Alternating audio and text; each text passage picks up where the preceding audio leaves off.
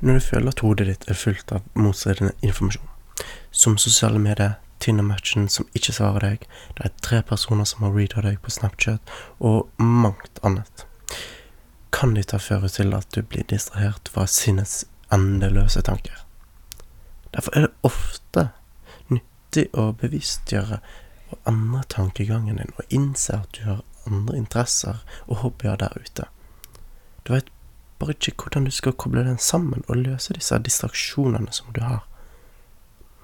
Ulike teknikker finnes for å kunne håndtere stress uavhengig av arbeidsmiljøet. Eksempelvis gradvis forbedring fører til mestring. Før eller siden vil du nå et nivå du ikke hadde nådd tidligere, du vil føle deg stolt over deg sjøl.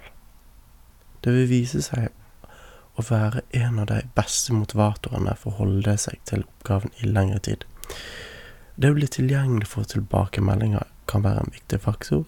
Tilbakemeldinger fra andre mennesker som du har fra familie, venner, lærere, kollegaer, er uvurderlig for å gjenkjenne dine styrke- og forbedringsområder.